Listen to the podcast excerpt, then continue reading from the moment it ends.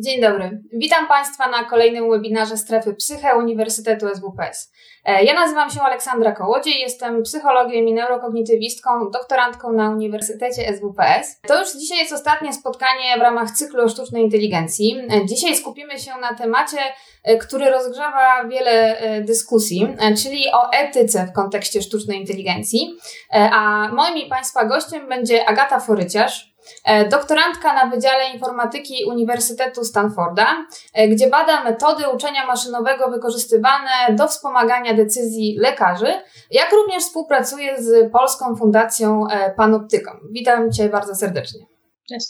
No i myślę, że zaczniemy od takiego wątku, który być może naszym widzom jest bliski, ponieważ często nagłówki różnego rodzaju mediów, można powiedzieć, że bombardują nas informacjami co już potrafi sztuczna inteligencja, albo co już za chwilę będzie potrafić. E, czasami pojawiają się takie hasła, że sztuczna inteligencja wykryła e, epidemię koronawirusa szybciej niż człowiek, albo e, że komputer przewidzi, czy ktoś popełni zbrodnię. No i możemy się zastanowić, czy sztuczną inteligencję możemy właśnie traktować jako taką wyrocznię, czy też jednak narzędzie w rękach człowieka i jakie są faktycznie e, możliwości oraz ograniczenia z tym związane? To jest e, pytanie, na które można by odpowiadać e, godzinami.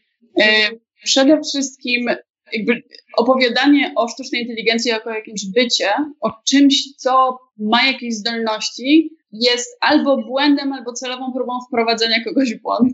Bo y, sztuczna inteligencja, poza tym, że jest to dziedzina naukowa zajmująca się naśladowaniem jakichś tam umiejętności ludzkich, y, no to po prostu jest taka nazwa głównie używana w marketingu i właśnie w mediach do opisywania Y, modeli statystycznych z dziedziny uczenia maszynowego. I rzeczywiście było bardzo dużo, jakby w tej dziedzinie bardzo dużo się wydarzyło w ciągu ostatnich 5-10 lat y, i bardzo duże kroki zostały poczynione głównie w rozpoznawaniu obrazu, ale też w rozpoznawaniu języka mówionego i jest duże podekscytowanie tym, żeby teraz technologię z tej dziedziny wykorzystywać do wszystkiego, żeby rozwiązać wszystkie ludzkie problemy, a ona jakby technologie należące do tej dziedziny Y, nadają się do niektórych zastosowań bardziej niż innych. I w tych dwóch, o których wspomniałaś, y, z wykrywaniem koronawirusa i przewidywaniem zbrodni, to są dwa bardzo różne przypadki, które też są oczywiście uproszczone. To tak w skrócie tylko opowiem, żeby, żeby wyjaśnić to y, widzom.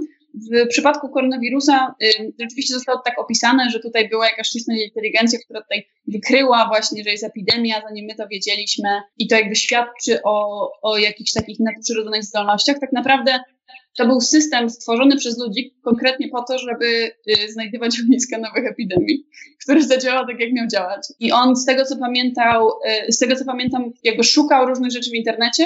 Y, I to, to jest coś, co się nazywa web crawler, który można zbudować w bardzo krótkim czasie. I, I wydaje mi się, że dotarł do jakiegoś raportu lokalnego rządu, czy, czy jakichś forów internetowych, gdzie właśnie opisane były symptomy i jakby mm, dzięki temu systemowi udało się zaalarmować. A w tym drugim przypadku przewidywania zbrodni to są systemy, które rzeczywiście ludzie y, próbują wdrażać i budować, które są no, bardzo, bardzo problematyczne etycznie, bo służą głównie temu, żeby ciąć koszty albo y, zasłonić się taką zasłonką obiektywności, bo jak coś jest matematyką, to również jest obiektywne, to nie jest prawdą mamy mnóstwo prac naukowych i książek na ten temat. I tak naprawdę prowadzi do tego, że ludzie mają o wiele mniejszą zdolność e, jako osoby osądzone czy, czy postawione przed sądem, mają o wiele mniejszą możliwość domagania się własnych praw czy y, odwoływania się od jakiejś decyzji. No właśnie, myślę, że warto właśnie mm, powiedzieć, e, to, to bardzo często, ja również mam takie e, wrażenie, że media próbują sztuczną inteligencję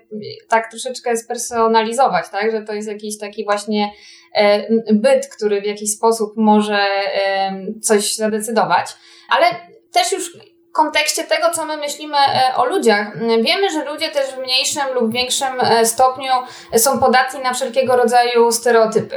E, I w takim razie, w, jakim, w jaki sposób ludzkie takie założenia, w tym uprzedzenia, stereotypy, są utrwalane w trakcie właśnie tworzenia modeli sztucznej inteligencji? Jak to się wiąże ze sobą?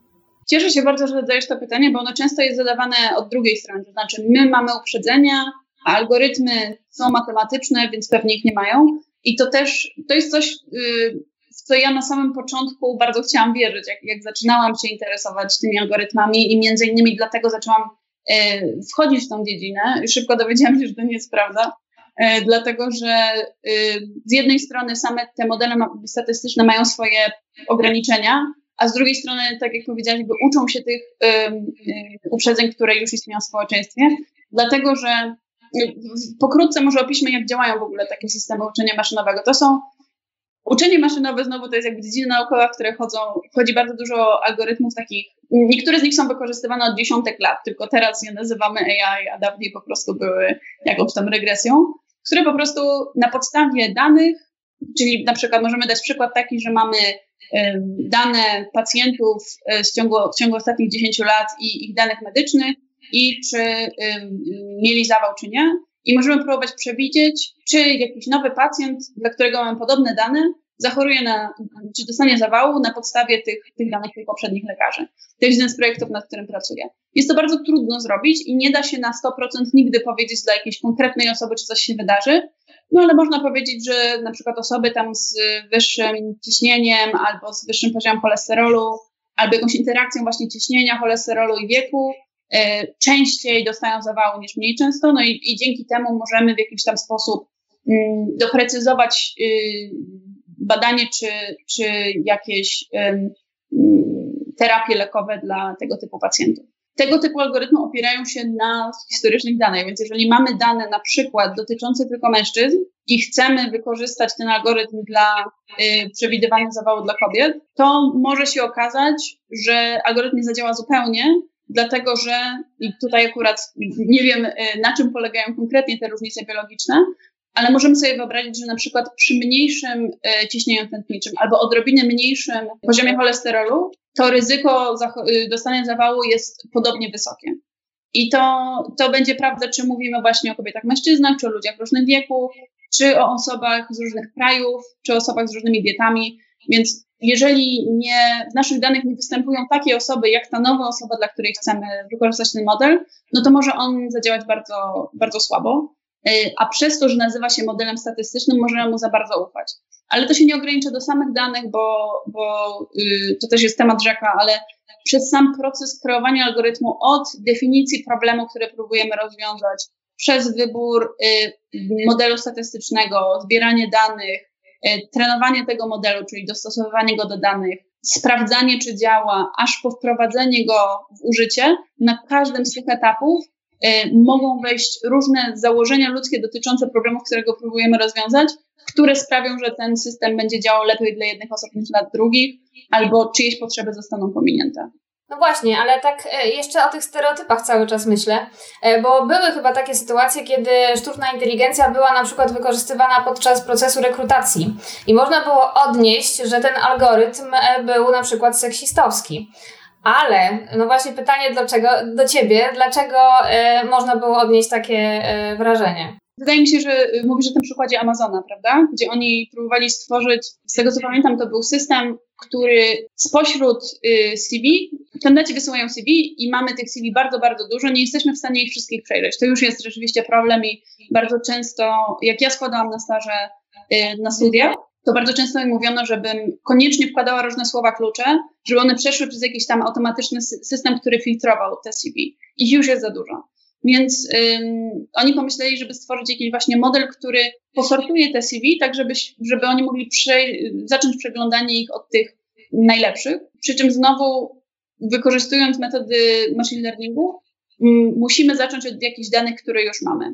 I oni wzięli CV osób, które y, dostały się do firmy i y, dobrze sobie tam radziły. Nie, nie wiem, czy to było ilość lat spędzonych, czy ilość awansów, E, jakaś tam miara sukcesu w firmie. Natomiast Amazon jest firmą technologiczną, gdzie wiadomo, że y, jest więcej mężczyzn niż kobiet i wynika to z wielu rzeczy, ale ogromną częścią z tego jakby jest część, część rzeczy, które się dzieją zanim osoby przyjdą do rekrutacji, czy, czy zaczną pracować w Amazonie, ale też jako kobieta poruszająca się w świecie technologii wiem, że jest to wiele więcej czynników na samym poziomie w trakcie rekrutacji, po przyjęciu, w trakcie pracy w firmie, które prowadzą do tego, że y, duża część kobiet decyduje się opuścić miejsce pracy na przykład poszukać nowego. Czy to jest taki bezpośredni seksizm, czy po prostu kultura, w której one muszą cały czas walczyć o swoje, czy brak takiej jakiejś, nie wiem, akceptacji um, jakichś ich potrzeb. Um, no więc większość tych CV, które oni mieli, tych osób, które odniosły sukces, to były CV mężczyzn i widziałam taką analizę, że no więc oni w tych CV też sprawdzali słowa klucze, no i, i sprawdzali, które słowa klucze są najważniejsze. Predyktorem, kto będzie najlepszym pracownikiem, było jakieś imię w stylu Ted, jakieś takie bardzo typowe imię mężczyzny i to, czy ktoś grał w lacrosse, który jest taką bardzo popularną grą zespołową w, na, na uniwersytetach amerykańskich. Więc coś, co jest zupełnie jakoś niezwiązane z pracą, no ale statystycznie tak wyszło. No i to pokazuje, jaka jest siła korelacji. Bo, bo to, co te systemy potrafią wyciągać, to jest tylko i wyłącznie korelacja, jakieś współistnienie, współwystępowanie różnego typu danych, a niekoniecznie te związki przyczynowo-skutkowe, czy jakaś właśnie kauzacja. Tak, no właśnie I, i tutaj myślę, że, że warto też y, pamiętać o tym, że y, te sieci są trenowane na danych historycznych i jeżeli one są takie, jakie są, to bez tego czynnika ludzkiego możemy mieć właśnie taki efekt, y, o jakim mówiłaś. To teraz może w drugą stronę. E, czy w takim e, razie, e, no bo wiemy, że sztuczna inteligencja ma uprzedzenia, no ale ludzie też. Czy w takim razie sztuczna inteligencja może być wykorzystana w takim właśnie odwrotnym celu, e, żeby przeciwdziałać ludzkiej dyskryminacji. I tak i nie. Może być w taki sposób, że wykorzystamy jakieś właśnie metody statystyczne e, do analizy decyzji ludzkich i zobaczymy, czy jest tam coś, czego wcześniej nie widzieliśmy. Jest taka e, badaczka na Stanfordzie, teraz od, od tego roku ma profesurę na Cornellu, na Pearson, która budowała modele statystyczne do sprawdzania, y, czy policjanci zatrzymujący samochody w Ameryce dyskryminują. Czy częściej zatrzymują osoby czarne czy białe i jeżeli tak, to poza tym, bo jest częstotliwość zatrzymywania i oprócz tego jest jeszcze częstotliwość tego, czy ktoś ma przy sobie właśnie jakieś tam narkotyki, czy popełnia wykroczenie, czy coś. Y, I w taki bardzo prosty sposób statystycznie jest to trudno wyłapać, dlatego że nie wiemy, co mieli przy sobie ludzie, którzy nie zostali zatrzymani. E, ale można wybudować modele statystyczne, które właśnie pokażą, czy to jest dyskryminacja, czy nie. Inna rzecz to jest właśnie analiza decyzji lekarzy i patrzenie, czy w inny sposób podejmują decyzje przy podobnych pacjentach, którzy na przykład właśnie są kobietami i mężczyznami, czy są z różnych grup etnicznych. Możemy też próbować analizować, jeżeli już decydujemy się wprowadzić jakiś algorytm, no to próbować już z góry, wiedząc jakie są uprzedzenia ludzkie, badać te algorytmy pod kątem tych uprzedzeń ludzkich i sprawdzać na przykład, ok, czy ten algorytm zrobi, właśnie podejmie lepsze decyzje dla mężczyzn niż dla kobiet w przypadku rekrutacji. Więc to, to jest obszar, w którym jak najbardziej te metody są, są bardzo przydatne, y, wymagają bardzo dużej ilości danych i bardzo dobrej jakości tych danych, co y, nie zawsze jest możliwe. W Stanach to jest o wiele łatwiejsze, bo od chyba 2010 roku po przejściu Obamacare wszystkie szpitale musiały przejść na elektroniczne kartoteki lekarskie, więc na przykład dane dotyczące e, opieki lekarskiej są o wiele łatwiej dostępne, e, ale nie, nie w każdej dziedzinie, nie w każdym kraju to jest możliwe. Z drugiej strony e, był przez, przez chwilę taki bardzo duży zryw w środowisku właśnie machine learningu, żeby stworzyć algorytmy, które przeciwdziałają tym uprzedzeniom ludzkim, czyli na przykład żeby zbudować te algorytmy przewidujące, czy ktoś popełni wykroczenie, po to, żeby wypuszczać z aresztu te osoby, które go nie popełnią, a zostawić w areszcie te osoby, które go popełnią. W teorii to jest super pomysł, w praktyce po pierwsze to nie działa, bo jest tyle poziomów złożoności samego procesu budowania algorytmu i samego sposobu, w jaki wyniki tego algorytmu wpływają na decyzje ludzkie i wpływają na to, co się stanie człowiekowi, jeżeli podejmujemy decyzję na jego temat z użyciem algorytmu, że bardzo trudno jest powiedzieć, nie, na pewno ten nasz algorytm, który zbudowaliśmy, nie powieli tych y, jakichś tam właśnie dyskryminacyjnych tendencji. A jeżeli tworzymy algorytm w kontekście, w którym już istnieje dyskryminacja, czyli w świecie technologicznym właśnie dotyczące kobiet czy mniejszości, w świecie sądownictwa amerykańskiego, czy medycyny amerykańskiej, zawsze ten rasizm jakby istnieje i w danych, i w strukturach, i w zachowaniach ludzkich. Jeżeli jakiegoś typu uprzedzenie już istnieje w tej strukturze, to ten algorytm bardzo łatwo to podchwyci. I może jest możliwe stworzenie modelu, który tego nie robi. Nie widziałam jeszcze takiego, ale zrobienie czegoś takiego wymaga ogromnej ilości pracy też z socjologami, właśnie psychologami, z osobami, które pracują z tymi systemami ludzkimi, e, żeby zrozumieć dokładnie te mechanizmy. No właśnie, czyli e, ta interdyscyplinarność, tak? Tutaj nas tak. również nie, nie ominie i, i we wcześniejszych webinarach, do których zresztą serdecznie zapraszamy, bo tam było więcej takich technicznych wątków, e, właśnie mówiliśmy też o tym, że e, psychologia ze sztuczną inteligencją muszą być za pan brat i tutaj właśnie myślę, że świetne ku temu właśnie były e, przykłady. I to w takim razie, jak uważasz, e, czy w takim razie rozwój sztucznej inteligencji e, może przyczynić się do takiego e, moralnego udoskonalenia społeczeństw? Zależy, co rozumiem przez moralne udoskonalenie. Myślę, że bardzo trudno jest powiedzieć, że jakakolwiek jedna technologia, czy właśnie, nie wiem, zainteresowanie naukowe może mieć taki, taki wynik, ale w, w konkretnych przykładach, czy możemy przeciwdziałać dyskryminacji na jakichś obszarach i czy możemy sprawić, że nasze jakieś tam zachowania, zachowania instytucji, decyzje podejmowane przez instytucje będą bardziej sprawiedliwe, ta redystrybucja będzie bardziej sprawiedliwa. To wszystko zależy od motywacji instytucji, które wprowadzają tego typu rozwiązania.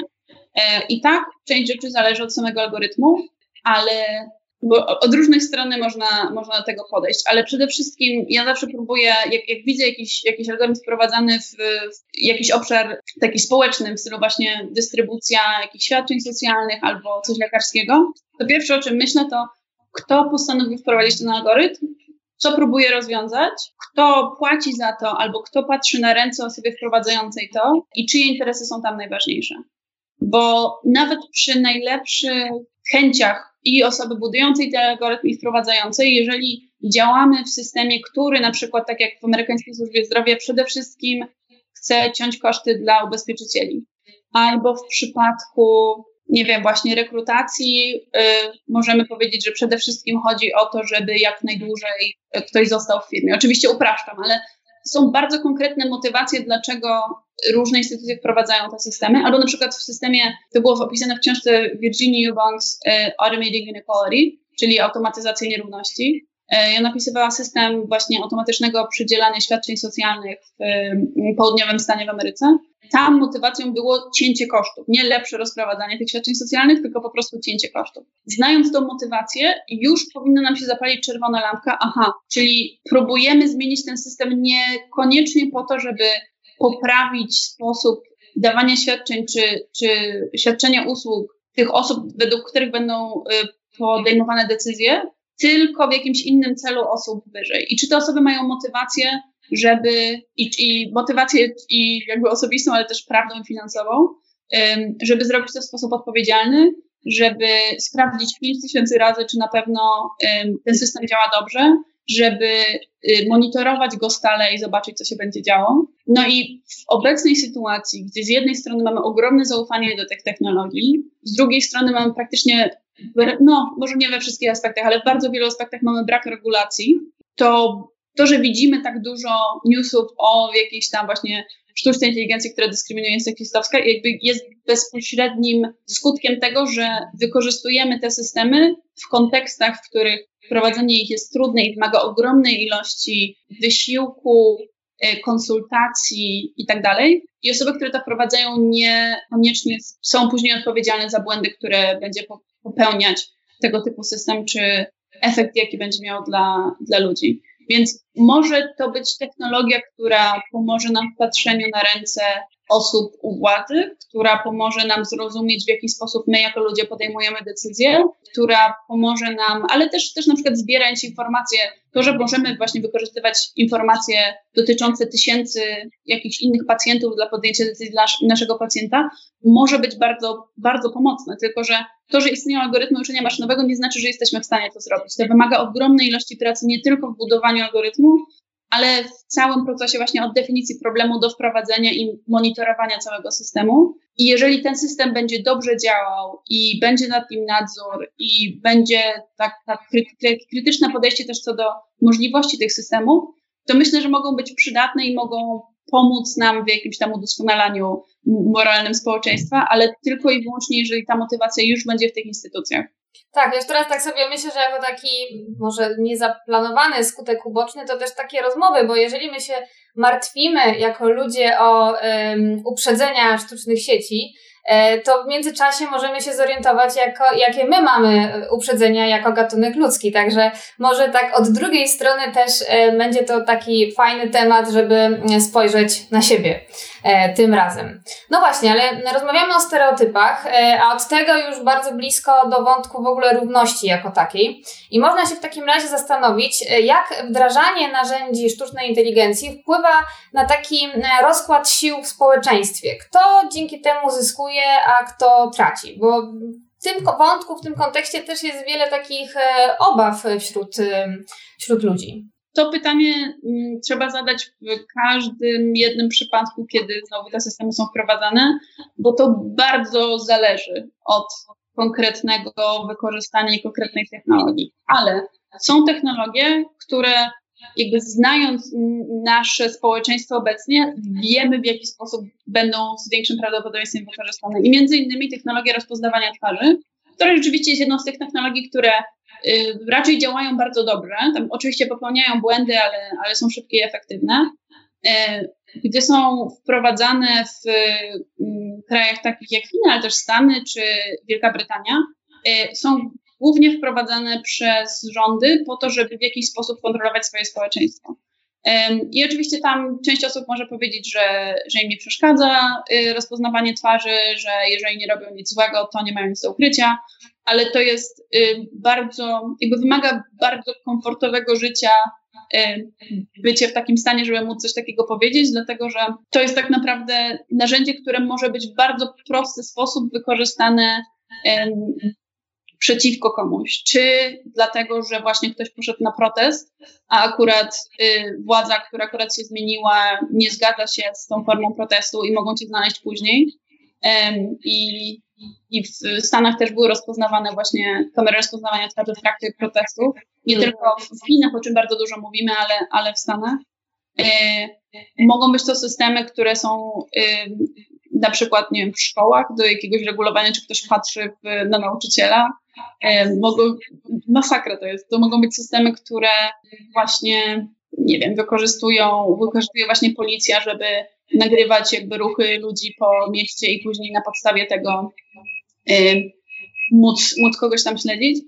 E, musielibyśmy mieć ogromne zaufanie do naszych służb i do tego, że nasze dane są w pełni bezpieczne, chyba że, żebyśmy czuli się komfortowo z daniem tego typu władzy komukolwiek, czy, czy to rządowi, czy właśnie jakiejś tam policji, czy firmie, no bo firmy tak samo mogą coś takiego wykorzystywać. Zresztą jest też duża obawa, że tego typu systemy mogą być wykorzystywane do jakiegoś takiego właśnie kontroli pracowników, czy zwiększenia efektywności pracowników przed nadzorowanie ich każdego ruchu, co już się dzieje. Nie wiem, czy akurat z rozpoznawaniem twarzy, ale z, jakby trakowaniem sylwetki tego, gdzie kto jest w fabrykach Amazona między innymi. Więc to daje bardzo, bardzo, bardzo dużą ilość władzy y, osobie, y, która ma ten system, a te systemy są trudne do wprowadzenia i co prawda jest je łatwo zbudować jako algorytm, ale y, wprowadzenie ich i, i nadzorowanie tego wymaga pieniędzy i jakby władzy w pewnym sensie. I to jest na pewno przykład technologii, który skupia władzę. Możemy sobie wyobrazić systemy, które tą władzę mm, rozprowadzają e, w społeczeństwie. E, I to może być na przykład jakiś system, który właśnie analizuje decyzje lekarzy i potem na podstawie wiedzy na temat tego, jakie decyzje podejmują lekarze dla różnych osób, czy jak się z nimi, jakie mają z nimi interakcje, jak się zachowują, możemy sobie wybrać lekarza. Ale to mhm. oczywiście wymagałoby dostępu do danych dotyczących zachowań lekarzy i tak dalej. Tego typu przepływ danych jest o wiele trudniejszy, o wiele łatwiej jest jakby skupiać dane w górę niż, niż w dół. Więc to tak. wszystko znowu zależy od motywacji, które już są w społeczeństwie. No tak, czyli znowu ten czynnik ludzki, tak? I, i jednak nasza odpowiedzialność za to, e, w jakim kierunku e, algorytmy będą, może nie tyle, że podążać, ale w jaki sposób będziemy je wykorzystywać. Ale pojawiło się, bo mówiłaś tutaj o kilku takich kontrowersyjnych wykorzystaniach sztucznej inteligencji i pojawiło się e, pytanie na naszym czacie, kto w takim razie powinien ponosić odpowiedzialność, kiedy e, pomyłka algorytmu jest e, no, tragiczna w skutkach, a przynajmniej no, niekomfortowa dla osoby, która w stosunku do której wykorzystaliśmy taki algorytm. To jest znowu pytanie za 100 punktów. I to znowu to, to zależy bardzo od jakby to jest albo pytanie, kto powinien ogólnie w sensie moralnym, albo kto powinien w naszym porządku prawnym. E, I to się, to, to drugie pytanie, no to oczywiście będzie zależeć od tego, e, gdzie siedzimy, e, w którym kraju, ale, ale z grubsza możemy z góry powiedzieć, możemy z góry przypisać odpowiedzialność albo twórcy systemu, albo osobie, która wykorzystuje ten system. I w, w prawie amerykańskim w taki sposób często tego typu sytuacje byłyby ustalane. W takim ogólnym sensie znowu, to będzie zależeć od, od sytuacji, ale w, takich, w tych przykładach, które opisywałam, e, czyli właśnie tam szpitali wykorzystujących to do cięcia kosztów, albo właśnie jakichś organizacji dostarczających świadczenia socjalne, czy, czy policji, jak najbardziej osoby i instytucje, które postanowiły wprowadzić to rozwiązanie. E, I oczywiście mogą tam być sytuacje, że człowiek, e, który w odpowiedzi na wynik algorytmu podjął jakąś decyzję, też, też może być współodpowiedzialny, ale mówię o tym dlatego, że jest bardzo duża skłonność, szczególnie w, w Ameryce, w Stanach, żeby osoby, które właśnie wdrażają te systemy, myły ręce i mówią, nie, nie, bo to jest algorytm, co nie my zrobiliśmy. Myślę, że bardzo, bardzo duża odpowiedzialność musi leżeć po stronie aktorów, który, którzy decydują się na wprowadzenie tego. Mm, no właśnie. I tutaj e, w ogóle już sam się nam rozwinął temat e, regulacji jako takich i to jest e, chyba nieunikniony krok w najbliższym czasie.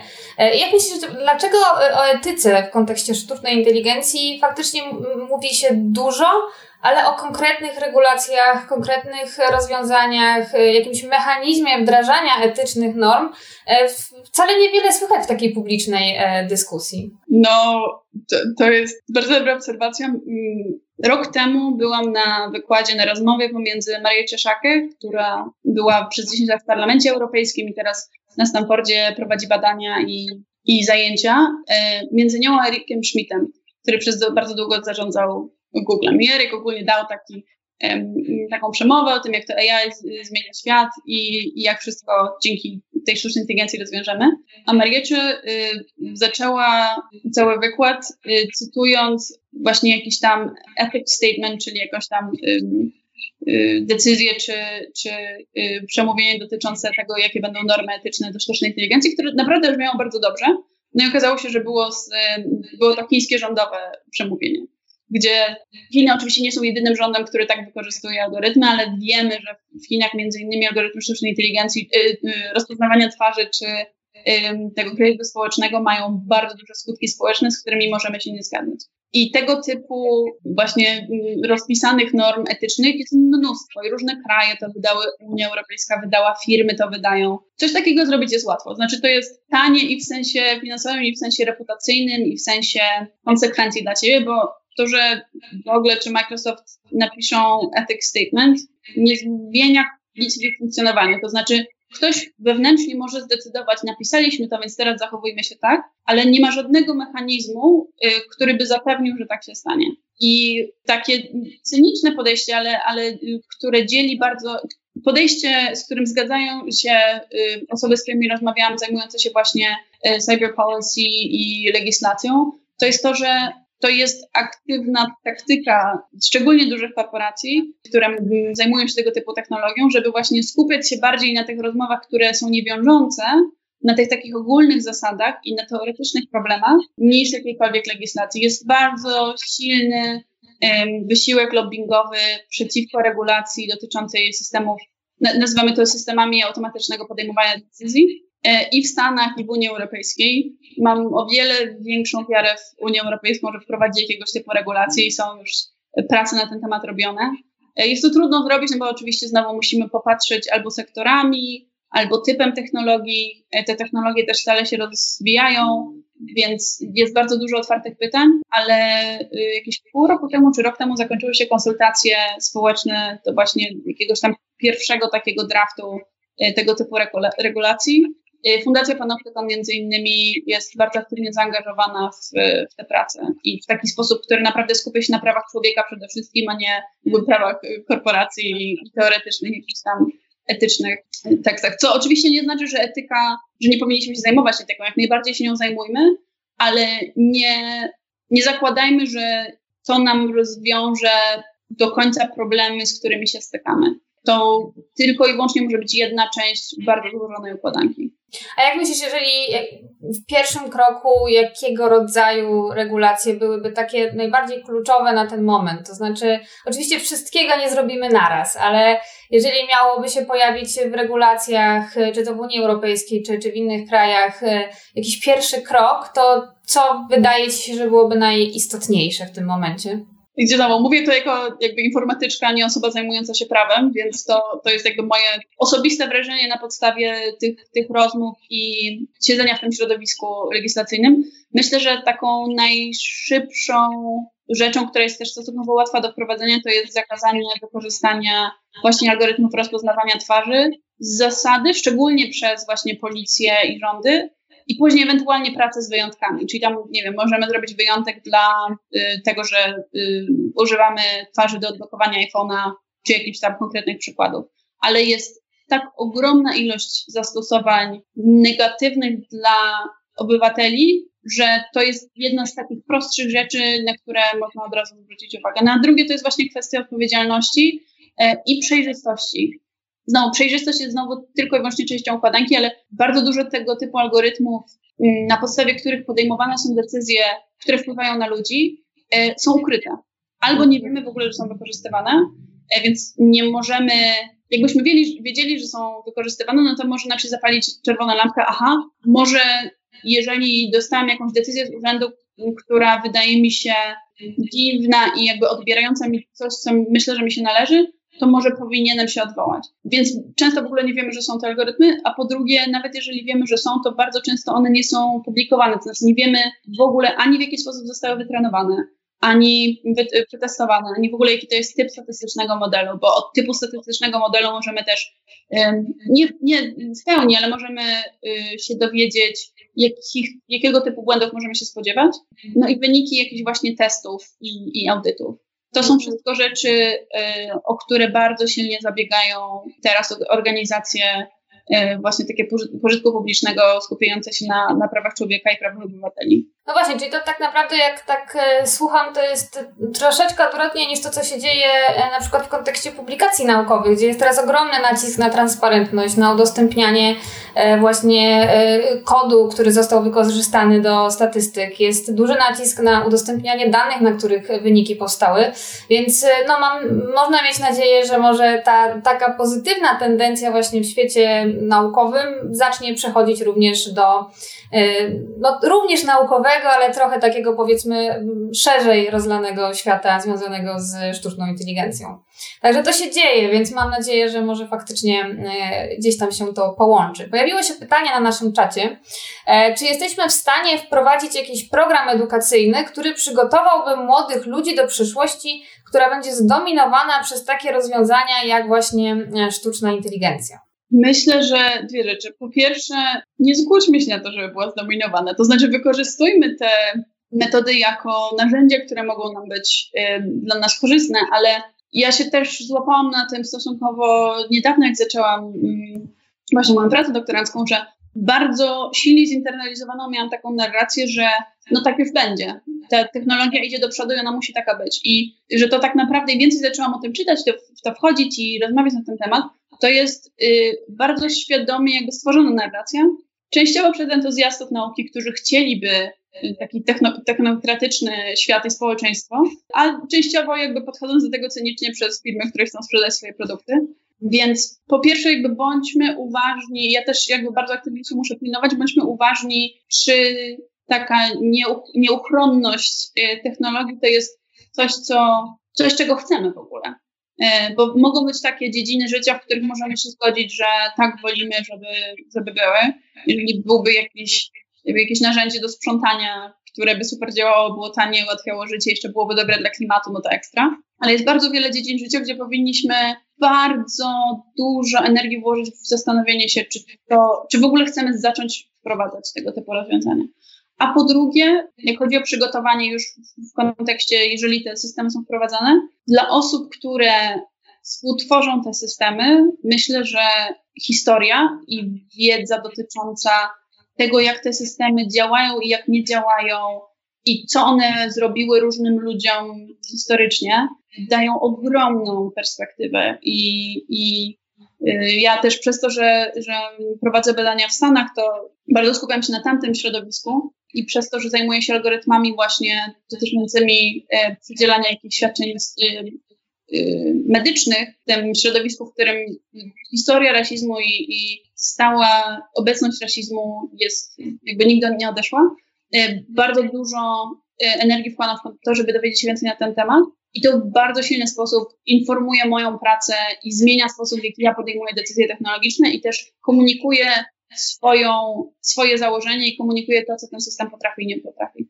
A dla osób, które będą poddawane tym systemom, myślę, że taka edukacja dotycząca tego, na co nie powinni pozwalać. Coś jak taka edukacja konsumencka. No ja pamiętam taką edukację konsumencką jeszcze z jakiejś tam szkoły podstawowej czy gimnazjum, gdzie nie wiem, czy to, to jest forma, którą najbardziej bym chciała. To były jakieś prace plastyczne i wpływanie jakichś tam zasad, co można, czego nie można. Ale jakaś forma takiego właśnie świadomego współuczestniczenia w społeczeństwie i znajomości swoich praw właśnie w sytuacjach, gdzie stykamy się z instytucjami, które może podejmują decyzje na nasz temat, co do których się nie zgadzamy, żebyśmy wiedzieli, że możemy się z tym nie zgodzić, czy, czy się od tego odwołać. No właśnie, czyli e, edukacja.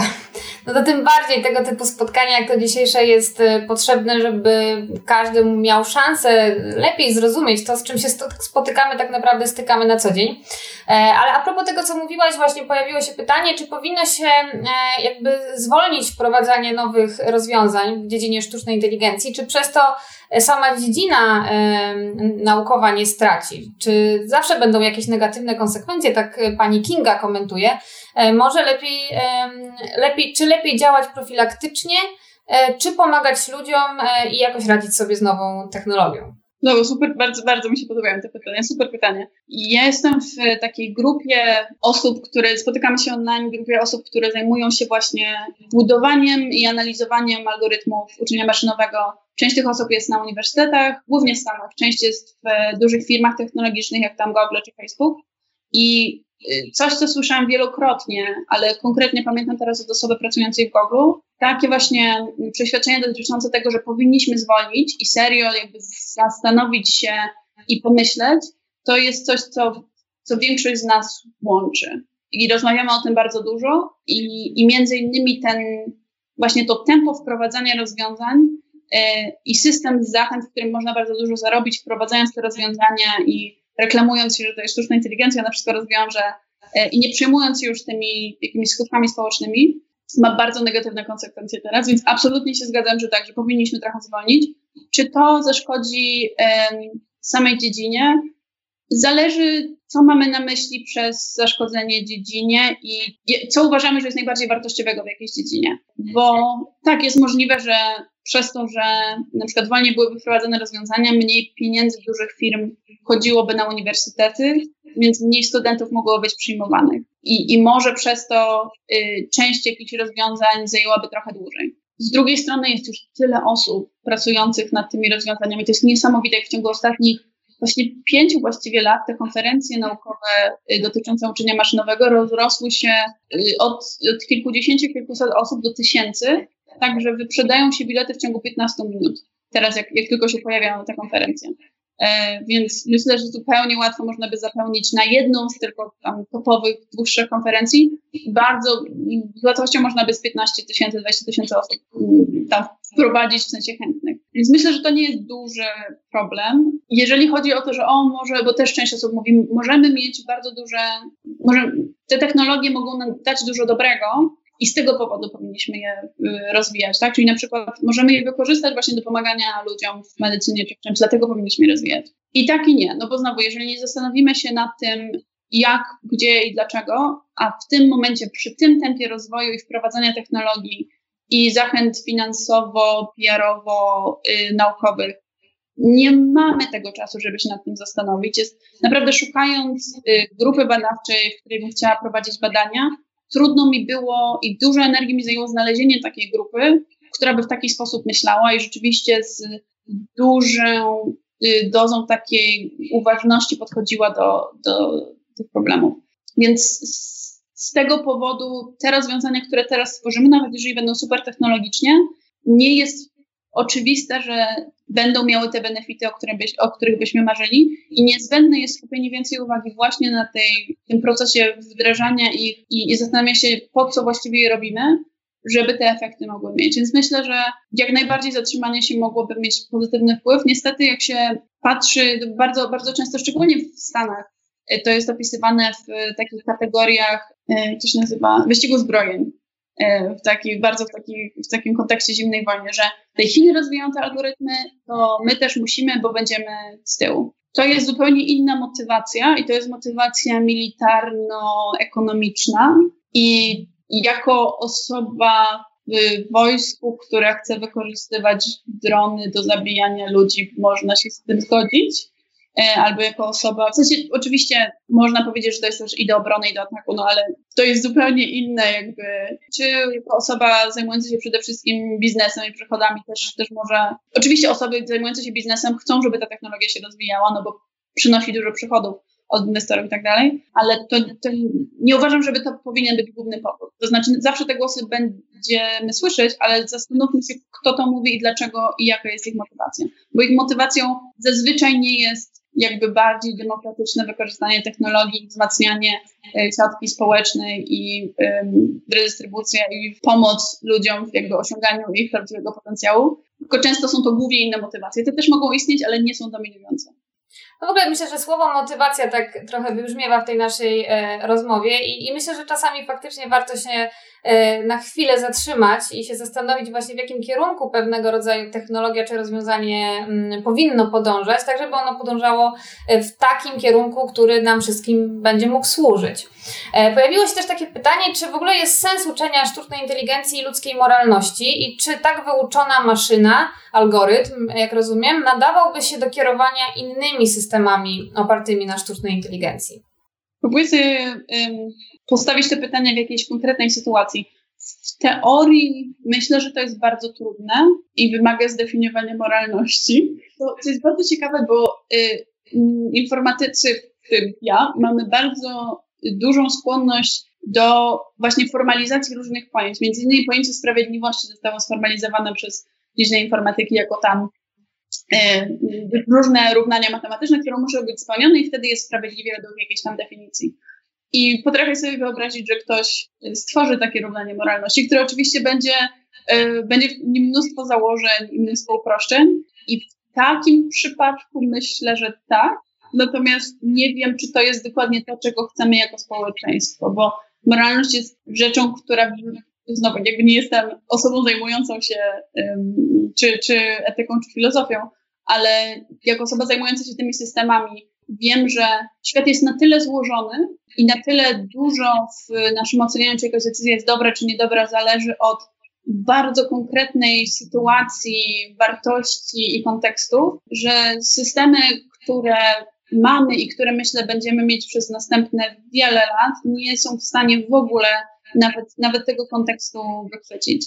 A co dopiero podejmować decyzje na temat tego, co może się stać, jeżeli jakaś decyzja zostanie podjęta i, tych konsekwencji. Więc ja bym nie przeceniała możliwości tej technologii, którą mamy. I myślę, że nawet jeżeli ta technologia byłaby bardzo zaawansowana, to oddanie tak dużej odpowiedzialności, nawet nie maszynie, tylko naszemu rozumieniu, naszej definicji początkowej jakiegoś tam, czy moralności, czy czegoś, jest bardzo dużym takim krokiem zaufania i, i do siebie, i do systemów, które tworzymy. jednak taki nadzór ciągły jest niezbędny. Tak, to prawda. Wiele jest też takich kontrowersji. Tutaj właśnie też padło pytanie na czacie w tym kontekście. E, czy powinniśmy się obawiać, że postępująca automatyzacja zwiększy bezrobocie? E, jak w szczególności różnego rodzaju jednostki organizacyjne czy państwa mogą się przygotować na taką przyszłość? To jest chyba takie pytanie, które się cyklicznie w sumie w życiu tak. y, pojawia, tak? Jak pojawiały tak. się maszyny, to też ludzie się tego obawiali. I teraz to też jest częsta obawa wśród y, osób. Jak byś się y, do tego odniosła? Jest bardzo dużo ekonomów, ekonomistów, którzy się zajmują tym pytaniem, więc, więc znowu jakby oni mają najlepszą odpowiedź. Natomiast na pewno jedną rzeczą, jakby wracając znowu do tych decyzji ludzkich i e, zdolności maszyny, Każda decyzja dotycząca automatyzacji w miejscu pracy jest decyzją podjętą przez jakiś zarząd i każda legislacja wspierająca lub nie wspierająca automatyzacji jest decyzją polityczną. I możemy, możemy wyobrazić sobie wprowadzanie systemów automatyzujących e, jakiejś części zadań w taki sposób, że one wspierają pracowników, a jednocześnie pracownicy albo właśnie dostają wyższe zarobki dzięki temu, że teraz ich praca jest bardziej efektywniejsza, albo w jakiś sposób zostają przekwalifikowani, albo możemy zostawić ich samym, samym sobie. E, I to będzie w pełni decyzja polityczna. Oczywiście tam pytanie co do opłacalności i tego, czy się da tak zrobić, żeby e, dbać o prawa pracownicze przy postępie technologii, może się wydawać znowu taką nieuniknionością. No przecież nie możemy już mieć praw człowieka, skoro mamy, czy jakichś tam praw pracowniczych, jeżeli mamy tak zaawansowaną technologię, ale zawsze, zawsze, zawsze, szczególnie w społeczeństwach na tym poziomie rozwinięcia, którym, którym też jest Polska, w którym są kraje europejskie, możemy sobie pozwolić na tego typu decyzje. I jeżeli decyzja będzie podjęta, żeby zautomatyzować miejsca pracy, zwolnić dużo osób, nie pomóc im w przekwalifikowaniu się, nie dać zasiłków, nie dać y, okresu wypowiedzenia, no to, to nie będzie wina jakby algorytmu, to będzie w pełni decyzja podjęta przez, przez ludzi. Tak, myślę, że to w ogóle bardziej tak płynnie tego typu decyzje powinny e, zapadać i, i pewne zmiany są e, nieuchronne, natomiast ważne, żeby one były faktycznie e, wdrażane stopniowo i, i w sposób przemyślany. W ogóle tych kontrowersji dookoła sztucznej inteligencji myślę, że może szkoda, a może dobrze, że o tym rozmawiamy, ale trochę jest. Jak myślisz, jaki, w jaki jeszcze sposób, potencjalnie trochę już o tym mówiłyśmy, sztuczna inteligencja może nam e, zaszkodzić? Myślę, jaka jeszcze kategoria problemów, o których nie mówiłyśmy, jest warta wspomnienia. Myślę, że na pewno, i to o tym już trochę wspominałam, ale poza jakby takimi stricte uprzedzeniami, kwestia błędów połączona z bardzo dużym zaufaniem do zautomatyzowanych systemów jest czymś, na co powinniśmy być bardzo wyczuleni, bo i to jest y, osoby zajmujące się właśnie czy psychologią, czy y, dziedziną human-computer interaction, czyli właśnie interakcja człowieka z komputerem, e, badają w jaki sposób, bardzo często systemy podejmowania decyzji wspierające decyzje ludzkie dają jakieś tam właśnie przewidzenie, co się stanie, albo z jakim prawdopodobieństwem powinniśmy podjąć jakąś decyzję i później człowiek na tej podstawie musi podjąć tą decyzję. I ten proces jest bardzo złożony często i między innymi było takie badanie, które pokazuje coś, co się nazywa automation bias. Nie, to akurat o czym innym chcę powiedzieć, ale jedna rzecz, która, która jest, to jest automation bias, czyli zakładamy, że jak coś jest zautomatyzowane, to jest pewnie efektywne i dobre, bo znamy systemy, które rzeczywiście dobrze działają, jak są zautomatyzowane, przy czym to są często systemy prawie że mechaniczne, które mają zakodowany zbiór zasad i po prostu po tych zasadach idą i wiemy, że one zawsze będą działać tak samo według tych zasad. A drugie, w przypadku właśnie tam przejrzystości i tak dalej, e, to jest bardzo ciekawe zagadnienie, jest coś, co się nazywa explainability bias, czyli uprzedzenie dotyczące właśnie przejrzystości i zbudowali takie, zbudowano taki algorytm, który przewiduje ceny mieszkań na podstawie planu mieszkania, czyli tam na podstawie ilości pokojów, metrażu, odległości, nie, nie wiem czy odległości od miasta, no ale takich rzeczy, na które moglibyśmy, które moglibyśmy wziąć pod uwagę i ludzie mieli możliwość zgodzenia się albo niezgodzenia się z, z tą decyzją. Y, I w przypadku, kiedy ten system czy algorytm był opisany i było jakby wytłumaczone, dlaczego podjął tę decyzję, to ludzie bardzo często zgadzali się z jakimś przewidzeniem, które zupełnie nie miało sensu i ufali temu przewidzeniu o wiele więcej niż w przypadku, gdzie, gdzie ono było zamknięte. To nie jest argument, żebyśmy nie tłumaczyli, ale myślę, że wytłumaczenie decyzji to jest coś, co, co przede wszystkim jest ważne, żeby, żeby osoby nadzorujące działanie tego typu systemów, do, do których powinni mieć dostęp, W przypadku y, współpracy człowieka z komputerem to jest bardziej złożona sprawa, więc myślę, że takie duże zaufanie i co do możliwości um, algorytmów, i co do inter, tego, że znamy sposób interakcji z człowiekiem, to są takie nasze obszary, na, na, które nie wiemy aż tak dużo i na które powinniśmy na pewno zwracać uwagę. Jest jeszcze jeden taki wątek, który mam wrażenie, że jest, znaczy jest poruszany, ale bardziej chyba może w środowisku naukowym, e, a na pewno jest ogromnym wyzwaniem współczesnego świata, e, czyli kryzys klimatyczny. I może się wydawać, że sztuczna inteligencja no, nie ma nic wspólnego z tym tematem, e, ale czy na pewno? No, kończymy w jeszcze lepszy sposób niż zaczęłyśmy, jak chodzi o poziom pesymizmu. No, więc tak, część osób i naukowców mówi, że tam właśnie metody optymalizacji machine learningu mogą pomóc w tym, żeby na przykład energia była w lepszy sposób dystrybuowana i było mniej marnotrawionej tej energii, czy w przypadku y, takich tam systemów, gdzie ta energia jest wytwarzana w jednym momencie i musi być od razu wykorzystana, w jaki sposób je rozplanować.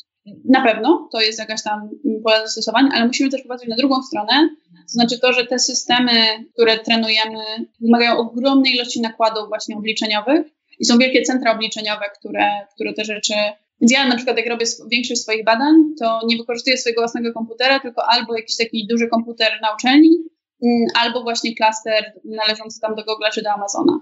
E, I to jest jakieś centrum obliczeniowe, które jest gdzieś tam w pustyni, w, albo w Arizonie, albo tutaj w Finlandii. Tak, i ma też ogromne moce przerobowe, bo oczywiście nie ty jedna z tego korzystasz, tylko mnóstwo tak. osób i może też warto powiedzieć, że to w zasadzie non-stop y, jest włączone, tak? Ogromne takie y, serwery, no, upraszczane. Tak, tak, serwery, dokładnie. I z samego tego jakby wiemy, wiemy, jak się komputer potrafi nagrać, jak na przykład tam gramy w grę, czy oglądamy film, no to to jest razy tam tysiące, setki tysięcy więcej energii. Z samego tego ciepła możemy sobie wyobrazić, ile energii jest wykorzystywane do działania tych systemów.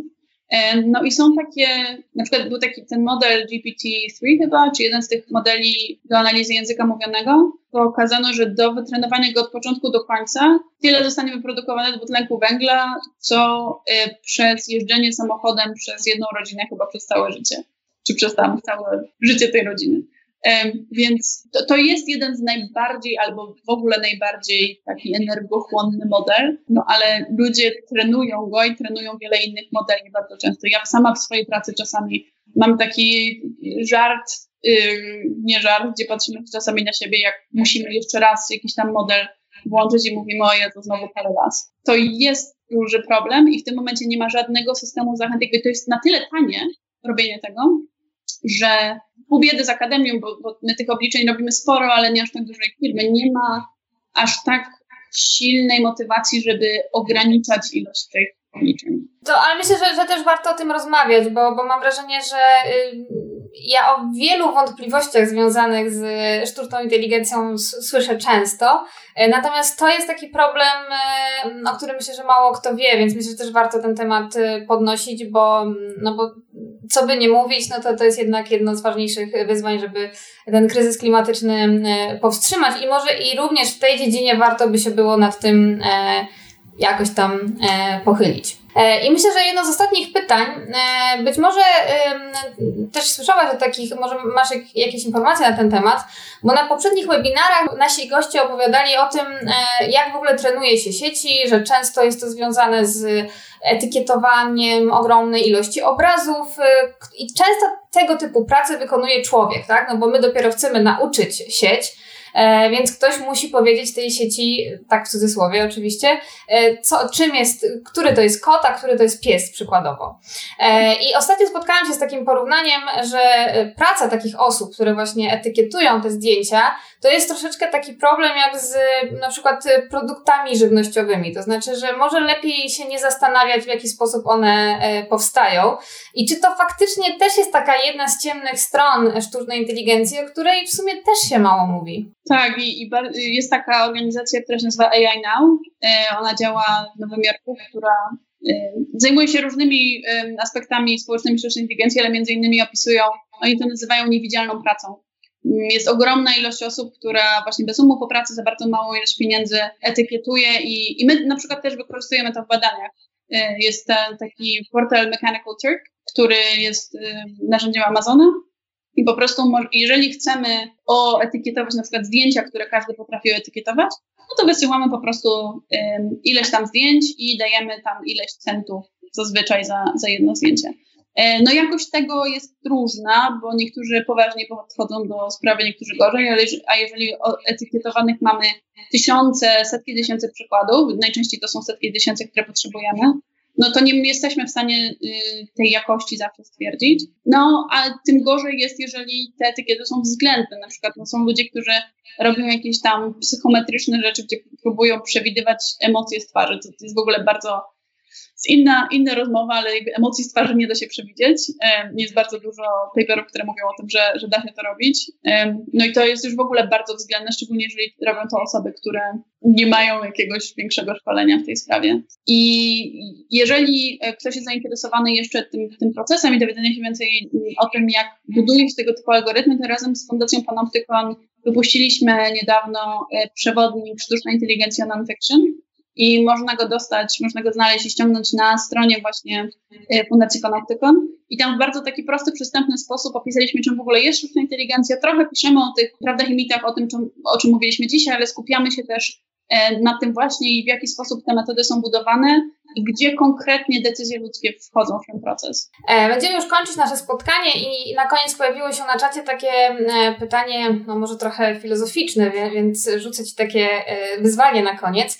Czy ktoś tak niedoskonały jak człowiek jest w stanie stworzyć idealną, doskonałą sztuczną inteligencję? Ja wiem, że ja powtarzam to samo w kółko, ale to zależy czym jest coś doskonałego i, i w jaki sposób wyobrażamy sobie doskonałą sztuczną inteligencję, to znaczy, czy chodzi nam o to, żeby rozwiązywać najlepiej matematyczne problemy, czy chodzi nam o to, żeby stworzyć najlepsze społeczeństwo.